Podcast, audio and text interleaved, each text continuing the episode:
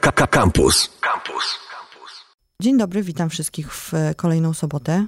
Nie słoneczną i nie piękną, ale mam nadzieję, że jakoś się rozjaśnimy trochę. Audycja albo poczytam Anna Karczewska. Moją gościową, bo to jest moje chyba ulubione odmiana y, słowa gość, jest Marta Kwasek dzisiaj, y, która prowadzi na Instagramie profil, tak się mówi? Bookstagram może? Bookstagram prowadzi, y, który nazywa się Booklow. I zaprosiłam ją dlatego, że bardzo lubię z nią rozmawiać o książkach. Bo jedna sprawa to jak pisze w, i jakie robi zdjęcia, bo wiadomo, że Bookstagram również na tym się opiera. Ale ja y, po prostu osobiście lubię z Martą rozmawiać o książkach i mam nadzieję, że trochę z tej przyjemności rozmowy też się przesączy y, do was, do waszych uszu. Dzień dobry, Marto. Dzień dobry, super, że mnie zaprosiłaś, bardzo mi miło. To chyba mój debiut, tak, to mój debiut. Debiut radiowy? Aha. Wspaniale. Y, Chciałam powiedzieć, że gorące brawa dla Marty, ale i takich nie usłyszę, więc możecie klepać sobie y, w domu i przesłać dobrą energię. Mm, Marta, pierwsze pytanie jest takie. Ja od, kiedy postanowiłyście, bo prowadzisz Buklow z Patrycją, którą serdecznie pozdrawiamy. Y, Dlaczego żeście wpadły na taki pomysł, żeby robić w ogóle Bookstagram? O, Bookstagram to jest, y, to jest jakaś drugorzędna historia, mm, dość niedawna, kilkuletnia, natomiast najpierw zaczęłyśmy pisać bloga. E, I to dlatego, że e, stwierdziły, zachciało nam się po prostu zacząć pisać o książkach. Wzięło się to z tego, że jak się spotykałyśmy, to zanim omówiłyśmy nasze e, niesamowite, wspaniałe przygody życiowe, to zaczynałyśmy rozmawiać o co, kto, co która przeczytała.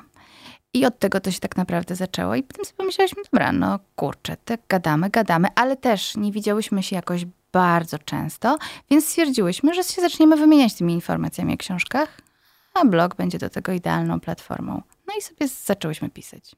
No jeszcze wtedy, nie, nie chcę, żebyśmy zabrzmiały jak takie oldtimerki, ale jeszcze wtedy Ale tak możemy zabrzmieć.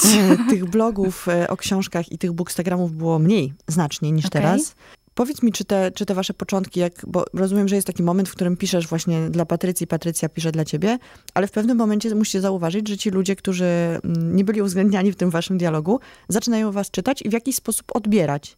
Czy te e, odbiory były pozytywne na początku? Tak, ja myślę, że w ogóle książki w internecie, ja mam takie wrażenie, już jak zaraz pewnie dojdziemy do Instagrama, ale y, tam szczególnie to jest widoczne, tam tego hejtu, czy jakiegoś takiego dziwnego internetowego ym, y, tworu, jakiejś takiej niesympatyczności, bym Mhm. powiedziała, jest bardzo mało. I y, jeżeli y, czytelnicy naszego bloga wchodzili z nami w jakieś interakcje, to na ogół na temat książek. No i super. I tego się jakby cały czas trzymałyśmy, żeby, żeby pisać o książkach, a nie czy wprost. No, nikt nam też nie robił jakichś przytyków, że albo tak piszemy, albo inaczej Mhm. piszemy, albo że coś tam się nie podoba. Więc, więc wszystko się kręciło wokół książek i Bogu dzięki. Jest taki e, panujący powszechnie prze, e, pogląd na to, że bookstagramerzy i blogerzy e, piszą dobre recenzje książek, za które dostaną pieniądze. Ja wiem, że to nie Mhm. jest prawda. Rozumiem, że w waszym przypadku, e, jak zaczynałyście pisać bloga, to w ogóle wydawcy jakby nie bardzo was zauważali. Więc nie, te recenzje były absolutnie niezawisłe, jak się domyślam.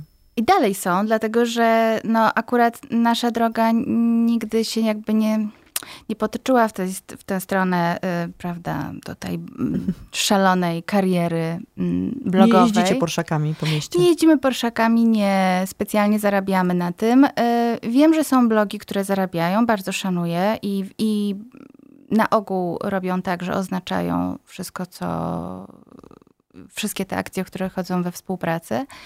Natomiast mm, no do nas wydawnictwa po prostu ewentualnie podeślą książkę. Mhm. Ewentualnie taki egzemplarz próbny na ogół, więc on jest też mało, powiedziałabym, taki, hmm, jak to dobrze powiedzieć, znaczy ja bardzo dziękuję, bo to jest możliwość przeczytania książki, ale jest to cały czas książka, którą tak średnio możesz postawić na półce, bo ona ma tam na końcu telefon do wydawcy i, i jest jeszcze przed korektą, więc y, Mhm. moja mama, jak dostaje taką książkę do ręki, to y, dzwoni do mnie i krzyczy, że jest tyle błędów, że coś sobie wyobrażają. No tak, to są te tak zwane szczoty, tak? Tak, Czyli takie tak, książki, tak, które są jeszcze tak, niedopracowane. tak, E, Powiedz mi w takim razie, co ty lubisz czytać? Jaką, jaką, bo teraz w, jakby jak we wszystkich chyba dziedzinach życia, specjalizacja zaczyna być takim słowem kluczem do, do pojawiania się w internecie. Czy ty masz jakąś swoją taką, może nie specjalizację, ale takie Mhm. książki, o których e, wyjątkowo lubisz czytać i potem o nich pisać?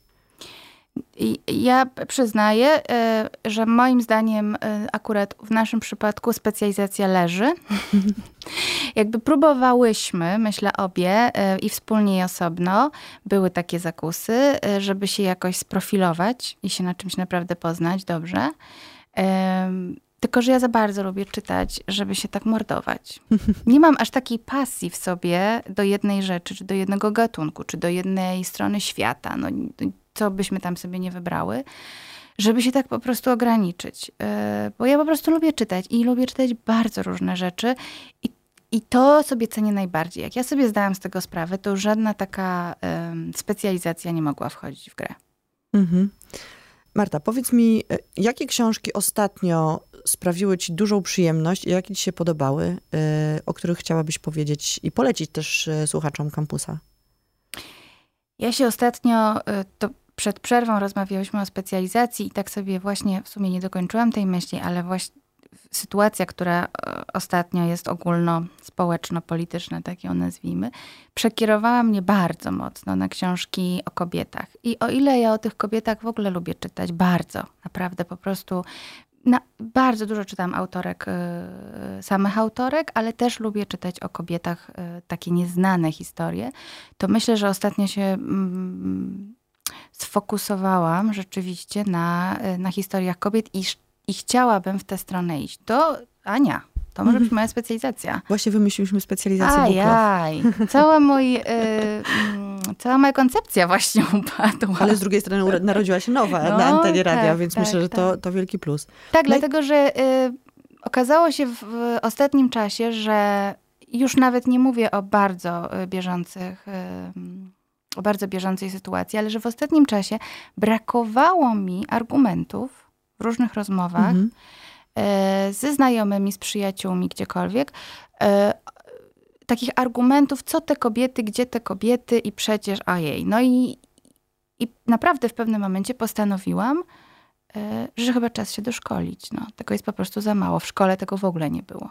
Mhm, no cały czas się mówi o tym, że, że kobiety są nieobecne albo bardzo mało obecne i niereprezentowane w tak zwanej klasyce literatury. Mhm.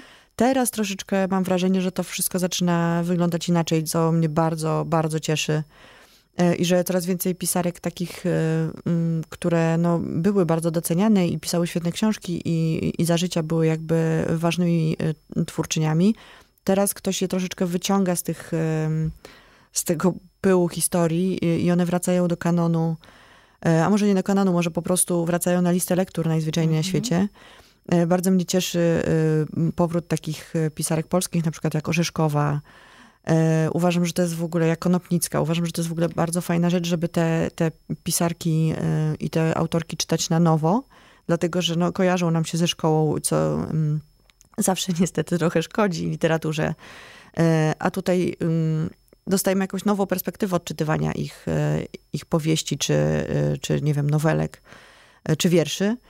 No dobrze, a powiedz mi w Ale takim żeby razie... dokończyć, jeszcze no. pogłębić, to y, zaczyna się też czytanie o nich, mhm. czy pisanie i czytanie o ich życiu, życiorysach, które są no, czasem imponujące, więc to też jest ważne, żeby właśnie poznać jak sobie w dawnych czasach te kobiety radziły. No właśnie, bo to jest kontekst, prawda? Bardzo mm -hmm. istotny, bo można powiedzieć, że kobiety y, nie pisały dobrych książek, mm. ale jest to absolutnie nieuprawniony pogląd. One po prostu z jakiegoś powodu tych książek nie mogły wydawać na przykład. Albo najzwyczajniej w świecie nie miały czasu, żeby się zająć pisaniem. Y, poza takimi perełkami jak Jane Austen, która bardzo musiała mm. iść mocno wbrew y, społeczeństwu, żeby, żeby dokonać tego, czego dokonała, czy Sióstr Bronte E, to takie flagowe przykłady trochę, ale, ale faktycznie tych kobiet piszących było znacznie więcej i mam nadzieję na to, że po, polscy wydawcy będą nam prezentować coraz więcej e, autorek z klasyki, z kanonu. A powiedz mi, jakie autorki współczesne ci się wyjawiają, jak rozmawiamy o tej twórczości? Może nie o kobietach, ale kobiecej, tak? W sensie pisanej przez kobiety. To bardzo często idzie w parze, ale tak, masz rację. Yy, na pewno lubię czytać Atwood, na pewno lubię czytać Strut, na pewno lubię yy, na pewno lubię czytać yy, też polskie autorki. Ostatnio bardzo Wam serdecznie polecam książkę Anki Dziewit-Meller o kobietach śląskich. Takie historie, y, jak y, przedstawiła Anka, czy Martyna Bunda napisała kiedyś taką książkę Nieczułość. Tak. Nieczułość. Tak.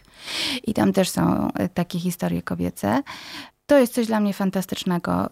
Jakby poznawanie tego świata. Ja, ja, jak czytam takie książki, to ja się czuję jak ryba w wodzie. I mam wrażenie, że ktoś wreszcie zaczyna opisywać mój świat. Mhm. Nie tylko taki niezrozumiały, dziwny, różny, ale też mój. I to mi bardzo po prostu pasuje.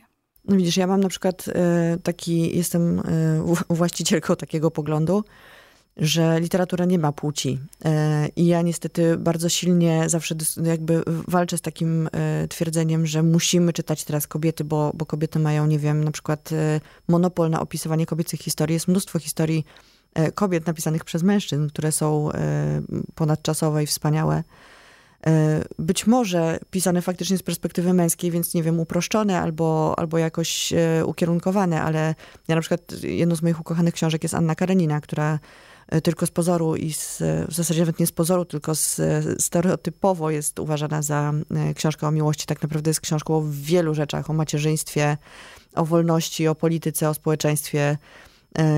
Jakby nie było. O samotności. O samotności. Nie jest napisane przez kobietę, a moim zdaniem bardzo pięknie te kobiety pokazuje. Andrzej Sapkowski, drugi mój ukochany autor, jeden z ulubionych, który, u którego kobiety też są wspaniale opisane. Ja Można w ogóle się... Y, ostatnio odkryłam, że y, zdaje się, może się mylę, ale Andrzej Sapkowski jest bardzo poważnym feministą.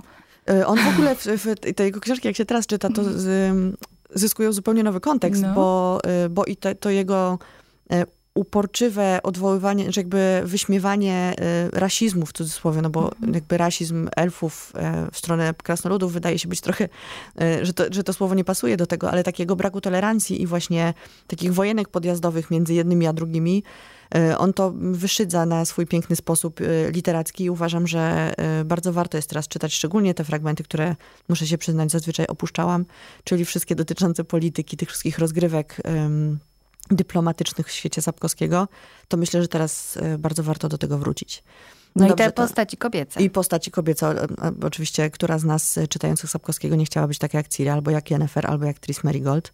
Niech pierwsza rzuci w nas kamieniem. Marta, umówiłyśmy się, że, że powiemy trochę o nowościach książkowych, bo ostatnie, w ostatnich programach raczej o nowościach książkowych nie mówiłam.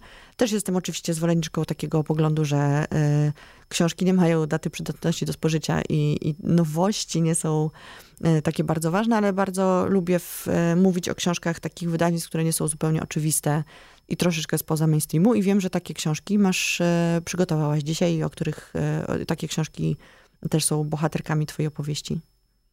Tak, ja mam przygotowane dwie książki. E, pierwsza książka to jest e, Bianka Bellowa.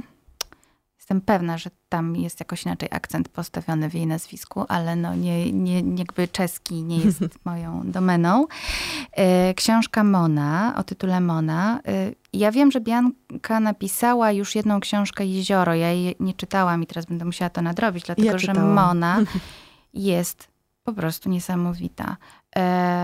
I szczerze mówiąc, to, to, to, nie jest prosta książka, to nie jest łatwa i przyjemna książka, bo jest i dużo wojny, i dużo strachu, i dużo y, przemocy. Ale ona jest niesamowicie uniwersalną książką i jest po prostu książką o kobiecie, która mm, usztywniona w swoich czasach, w swoim miejscu, bo to jest bardzo ciekawe, że Mona, Monę czytamy o tyle uniwersalnie, że nie bardzo wiemy, gdzie to się dzieje tak naprawdę. Ja nawet próbowałam jakoś dojść e, mhm. do tego, co to jest za miejsce mhm. E, i co to jest za czas, mhm. ale wydaje mi się, że to jest, e, że celowo Bellowa zrobiła taki zabieg, że bardzo ciężko jest to w jakikolwiek sposób, bo mamy trochę tropikalną dżunglę, ale trochę Paryż. Tam jest bardzo dużo wpływów. Bałkany, ale w sumie nie. Tak, Może te, jesteśmy te w Iranie, też niekoniecznie. Tak, no właśnie, bo te kulturowe rzeczy by wskazywały na jakiś Bliski Wschód, więc to, to mi się bardzo podoba podoba, że to jest e, poza czasem i poza miejscem, przez to jest bardzo uniwersalne, bo nie możemy się przyczepić do jakiejś jednej myśli, tylko po prostu dostajemy taki gotowy materiał do przemyślenia. Tak, i to, te przemyślenia pojawiają się od pierwszej strony i ja przynajmniej e, czułam ogromny niepokój e, tym światem, w którym Mona żyje i taki ogromny mm, smutek i im bardziej zdawałam sobie sprawę, że jesteśmy w jakimś takim trochę wymyślonym czy połączonym świecie, tym ten smutek stawał się coraz większy. Mm, jakieś takie podskórne przeświadczenie, że to po prostu ktoś mógłby nałożyć taką czapę i taki świat po prostu gdzieś stworzyć. Mhm. No, już nam taki świat pokazała oczywiście Atwood. Ona to zrobiła w sposób e, taki, powiedziałam, bezwzględny i wyjątkowo um, obrazowy. Dlatego też ten serial potem tak, tak, tak, tak, tak się poniósł, myślę. Mhm. Bellowa robi to w sposób bardziej taki delikatny, ale liryczny, wszystko prawda? liryczny. Trochę. Tak, mhm. tak, tak, oszczędny, mhm. bardzo spokojny. Tam nie ma krzyków, nie ma wrzasków, nie ma zrywanych habitów, tudzież innej, innej odzieży. Szat. Szat. Nie ma darcia szat. Ale, ale ja właśnie te kontrasty bardzo lubię, bo jeżeli autorka opowiada historię wstrząsającą, a robi to w sposób bardzo delikatny, to dla mnie to jest taki, takie połączenie, z którym ja w ogóle nie jestem w stanie dyskutować. Znaczy, to jest zawsze dla mnie bardzo mocny przekaz i ja go czuję jakoś tak podskórnie bardzo. No ja się zgadzam, ja też Monę przeczytałam, też bardzo mi się ta książka podobała. Powiedz mi, bo ty masz książkę przed sobą, y, warto zawsze powiedzieć, kto tłumaczył tę książkę? Y, Anna Radwan-Żbikowska. Książka wyszła nakładem wydawnictwa Afera. Przy poprzednią się... to Jezioro też mam wrażenie, że mhm. Anna Radwan-Żbikowska tłumaczyła. Y no właśnie, Mona jest, mnie się też bardzo podobała ta książka i bardzo serdecznie zachęcam Państwa do y, sięgnięcia po tą książkę, tę książkę. Natomiast y, faktycznie ta pierwsza książka Jezioro była moim zdaniem, też była bardzo dobrą książką, ale do połowy. Hmm. Potem właśnie to, czego nie ma w Monie, hmm. czyli takie przykręcenie śruby się pojawiło, którego ja nie lubię. Ja lubię, jak mi autor czy autorka daje samej wymyślić, co jest nie tak z tą rzeczywistością, o której ona pisze i nie wymaga ode mnie takich... Hmm buzujących emocji, czy wręcz wybuchających. Dlatego wydaje mi się, że Mona, y, Mona jest książką trochę lepszą może na początek przygody z Bellową. Y, bardzo serdecznie polecamy. Y, Mona, książka Bianki Bellowej. Ona jest poza tym pięknie wydana, także... Tak, to prawda. Po, pozdrawiamy bardzo serdecznie wydawnictwo Afera, które w ogóle się sp specjalizuje w wydawaniu książek czeskich, prawda? Czeskich i słowackich chyba. E, nie tylko, ale, ale to jest ich taki, e, taka nisza, jak już mówiłyśmy dzisiaj o specjalizacji niszy. A druga książka? A druga książka to jest e, książka Han Kan, Nadchodzi chłopiec. To jest książka mm, o południowej Korei i o masakrze w, w jednym z regionów, z jednych miast z 1980 roku. I mimo, że ona jest o oparta na faktach. E, zresztą autorka się wywodzi z tego miasta, więc myślę, że dlatego też sięgnęła po, po ten temat. E, mimo, że jest oparta na faktach, to ja ją jednak czytałam bardzo też uniwersalnie. Mhm. E, to jest znowu, no gdzieś tam nawet z Moną bym mhm. mogła to gdzieś, gdzieś łączyć, dlatego że znowu jest taka narracja bardzo spokojna, bardzo oszczędna, bardzo przemyślana i taka cichutka, to, to jest w ogóle już takie cichutkie, e, a tam się rzeczy dzieją straszne.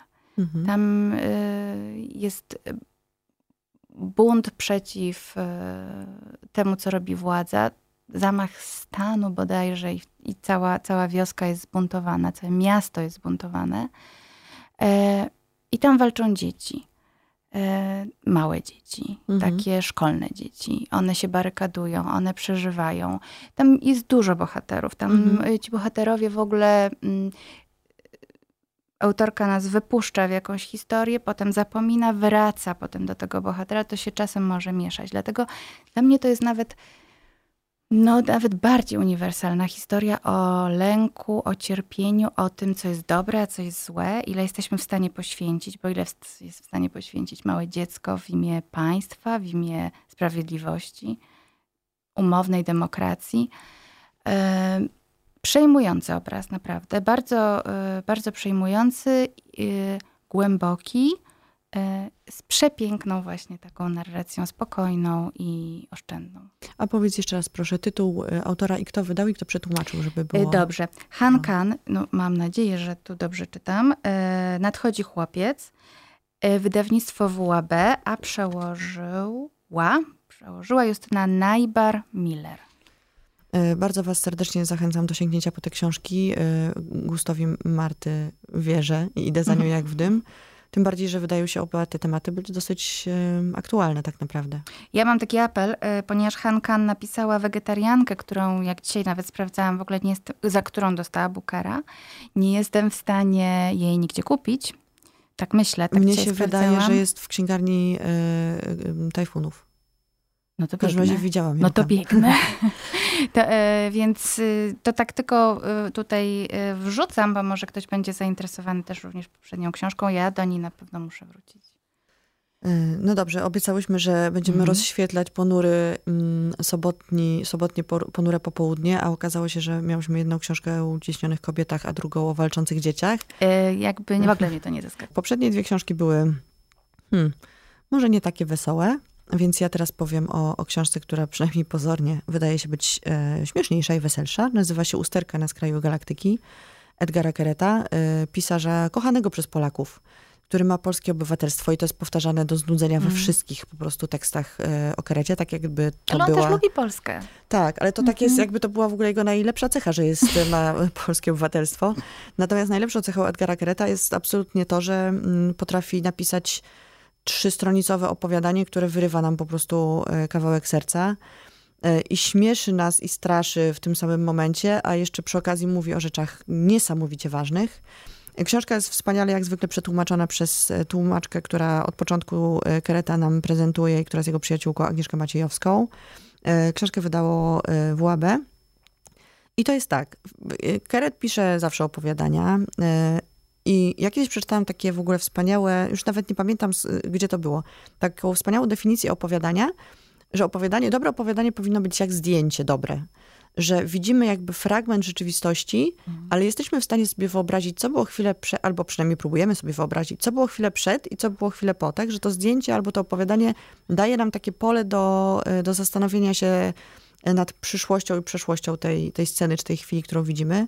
I Keret absolutnie potrafi to robić. On czasami za, jakby zaczyna w połowie historii pisać to opowiadanie, urywa w trzech czwartych, daje nam tylko taki e, glimp, taki blask w ogóle tej historii, czy, czy, czy przebłysk. E, a i to nam wystarcza, żeby, żeby się nad tym poważnie zastanowić. E, są tam opowiadania absolutnie wybitne. E, Śmieszy nas to, co czytamy, przynajmniej jeżeli ktoś ma e, absurdalne poczucie humoru.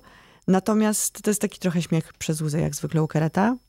Więc bardzo serdecznie polecam. Czytanie opowiadań jest dobre, bo, bo można sobie robić to w międzyczasie. Nie wiem, teraz już pewnie nikt nie jeździ komunikacją miejską do pracy, bo pewnie wszyscy pracują z domu, ale wtedy właśnie szybko można ukraść sobie 20-30 minut przed włączeniem maili i przeczytać opowiadanie i naprawdę jest to lepsze niż kawa. Więc bardzo polecam Usterka na skraju galaktyki Edgar Keret. E, A druga książka już oczywiście nie jest wesoła. Nie wiem, miałyśmy rozświetlać ludziom, a tu się okaże, że będzie... No cóż. Nie jest lekko, nie jest lekko. Druga książka jest e, reportażem. Jest reportażem, o którym e, rozmawiałam ostatnio z e, jego autorką, Agą Rostkowską. Książka nazywa się Wojownicy o szklanych oczach i opowiada o, podtytuł jest W poszukiwaniu Nowej Turcji. Wydało wydawnictwo poznańskie tę książkę i to jest książka, którą ja w ogóle rzadko czytam reportaże. Wychodzę z założenia, że mm, fikcja mnie, fikcja mnie się podoba bardziej, bo mnie potrafi gdzieś zabrać. E, I że nie muszę wiedzieć strasznych rzeczy o świecie, które, których bardzo często dowiaduję się z reportaży, no bo tak jak kiedyś e, podczas jakiejś rozmowy w ogóle o reportażu padło, no ciężko jest napisać pozytywny reportaż, no bo w zasadzie o czym miałby być, tak? O tym, że wszyscy ludzie są dobrzy i kochani, no pewnie po prostu słabo by się to czytało. Nie jest to temat, a może powinien być, No ale na właśnie, zaczęłam się jest. teraz nad tym zastanawiać, wiesz, bardzo poważnie. No myślę, że jest jakby, pa, pada takie stwierdzenie, że y, Mariusz Szczygieł jest taką osobą, która Mhm. pisze pozytywne reportaże, przy czym dla mnie to nie są reportaże. To już jest zupełnie co innego. No więc to jest właśnie. takie, y, jakby ja bym tego nie podpisywała po prostu pod ten, oczywiście mówię o tych jego mm, nowych książkach, bo Zrób sobie raj, czy... te pierwsze jego książki oczywiście były pełno krwistymi mm, reportażami, teraz te, te nowsze są po prostu y, już troszeczkę wchodzą w jakiś inny zakres y, gatunkowy. E, Natomiast książka, wróćmy Agi Rostkowskiej, e, Wojownicy o szklanych oczach, jest książką, absolutnie jest reportażem. Jest reportażem takim, który mi się spodobał, bo, bo autorka nie patrzy tam, oczywiście w jakiś sposób patrzy przez swój pryzmat i, i swoimi oczami, natomiast e, jej wielkie ego nie rozsadza tej książki. To jest niestety w moim pojęciu minus bardzo wielu reportaży, nie tylko polskich, że tam to ego piszącego jest jakby takie dominujące nad światem. E, Ja tego nie bardzo to lubię, chyba że robi to Kapuściński albo Bruce Chetwin. No to wtedy to szanuję, jakby uważam, że to jest e, po prostu e, taki rys literacki w tym wszystkim. Natomiast Aga Rostkowska tego nie robi. Robi bardzo rzetelną, bardzo rzetelny zapis rzeczywistości, A bardzo dobrze się to teraz czyta, dlatego że ona pisze o ludziach, którzy się buntują w Turcji. Buntują się przeciwko przeróżnym rzeczom. Wyburzaniu budynków, likwidowaniu miejsc e, mm, takich kultowych, które znają, kina, księgarni, cukierni, sklepu z gorsetami. Buntują się przeciwko temu, że muszą, nie mogą nosić chust, na przykład kobiety, bo pamiętajmy o tym, że Turcja jest, to jest tygiel. E, I to, że nam się wydaje, że zmuszanie ludzi do noszenia, e, kobiet do noszenia chusty jest czymś złym, ale wyobraźmy sobie sytuację, w której kobieta chce nosić chustę, bo tak została wychowana i to jest dla niej w porządku, a ktoś jej na przykład nie wpuszcza do budynku w chuście albo na wykłady. To też jest e, przemoc, tylko jakby taka, do której my nie jesteśmy przyzwyczajeni. Wiele takich bardzo ludzkich historii jest w tej książce, znakomicie opisanych.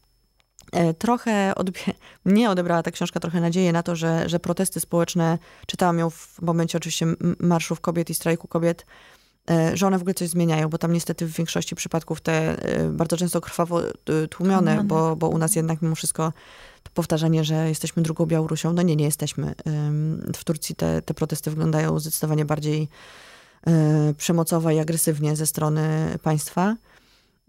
I one niestety wszystkie troszeczkę spalają na panewce, natomiast y, dają chyba taki, każdy kolejny protest daje po prostu siłę kolejnemu i mam wrażenie i mam nadzieję, że to jest taki trochę, taka trochę śnieżna kula, że, że ta rzeczywistość będzie mogła być, być może za parę lat, być może za kilkadziesiąt lat, ale zmieni się po prostu. E, dzięki tym ludziom, którzy heroicznie e, o tę zmianę walczą. Więc bardzo wam polecam. Książka, no mnie namówiłaś, mnie namówiłaś już. Książka nazywa się Wojownicy o szklanych oczach w poszukiwaniu Nowej Turcji. Napisała ją Aga Rostkowska, wydało wydawnictwo poznańskie. Serdecznie zachęcam do czytania. Niestety czas nasz na rozmowę o książkach się skończył. Oczywiście za szybko, bo o tych książkach możemy rozmawiać godzinami. E, i przed pandemią robiłyśmy to na przykład w ramach naszego klubu książkowego Books and Books. Bardzo tęsknię. E, wszystkie bardzo tęsknimy, ale wrócimy na pewno, mam nadzieję, do, na pewno mam nadzieję, jak nam rzeczywistość pozwoli, to wrócimy. E, bardzo wam dziękuję za uwagę. Marta, tobie bardzo dziękuję za rozmowę. W przyszły weekend chciałabym porozmawiać z Rafałem, Rafałem Hetmanem, Chciałabym porozmawiać o reportażach, których nie czytam, a myślę, że sporo z słuchaczy i słuchaczek Radia Campus lubi reportaże, więc żeby nie opowiadać o rzeczach, na których się nie znam, zaproszę osobę, która się świetnie zna na, e, na tym, czym się zajmuje, czyli właśnie Rafała, który mm, jest takim naszym w zasadzie to, to jest chyba jego nisza, prawda? Książki tak, absolutnie. Rafała, nisza, Rafała niszą są reportaże. No dobra, to w takim razie bardzo wam dziękuję. E, miłego dnia, e, dobrej soboty i widzimy się, słyszymy się za tydzień. Dziękuję. Słuchaj Radio Campus, gdziekolwiek jesteś. Wejdź na www.radiocampus.fm.